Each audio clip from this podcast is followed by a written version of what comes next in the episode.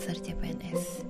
Pembelajaran dilakukan secara asinkronus dan sinkronus kembali bersama tutor. Sebelum memulai pembelajaran secara sinkronus, saya melakukan pembelajaran mandiri dan berdiskusi dengan kelompok terkait finalisasi tugas yang akan dipresentasikan. Kemudian, ketika pembelajaran secara asinkronus, kami diberi waktu oleh tutor untuk mempresentasikan tugas yang sudah diberikan oleh tutor, yaitu tugas kelompok dan tugas individu. Namun, dikarenakan waktu yang tidak memungkinkan untuk bisa mempresentasikan semua, tutor hanya memilih beberapa orang untuk bisa mempresentasikan hasil tugas.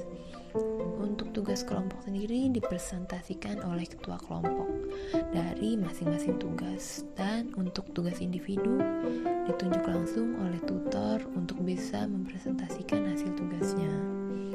Dari hasil tugas yang sudah dipresentasikan, tutor memberikan beberapa masukan atas tugas yang sudah kita buat untuk bisa menyempurnakan kembali tugas tersebut sehingga bisa diimplementasikan secara maksimal ketika tahap aktualisasi nanti.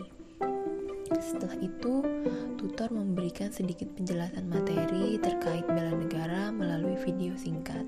Dari situ, kita bisa mengambil pembelajaran secara sesungguhnya dari materi bela negara.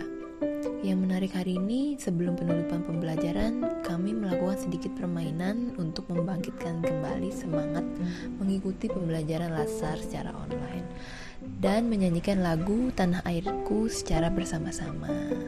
Sekian pengalaman lasar hari ini, salam sehat untuk kita semua. Terima kasih.